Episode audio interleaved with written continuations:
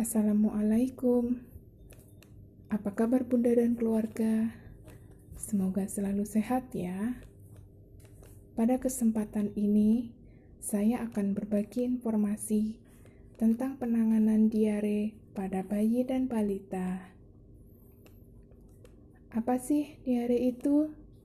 Diare adalah meningkatnya frekuensi buang air besar yang diikuti dengan bentuk tinja lebih cair dari biasanya.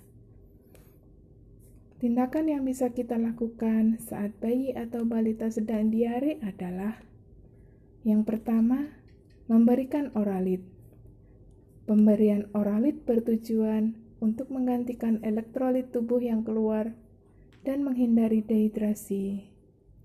Yang kedua, memberikan tablet zinc selama 10 hari berturut-turut.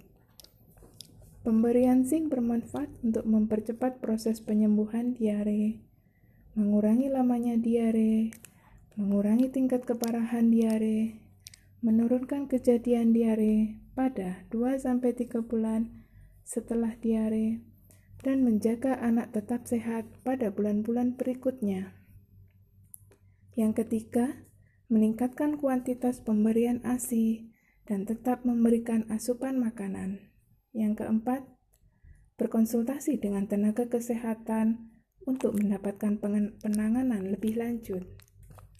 Demikianlah sedikit informasi tentang penanganan diare pada bayi dan balita. Semoga bermanfaat. Wassalamualaikum warahmatullahi wabarakatuh.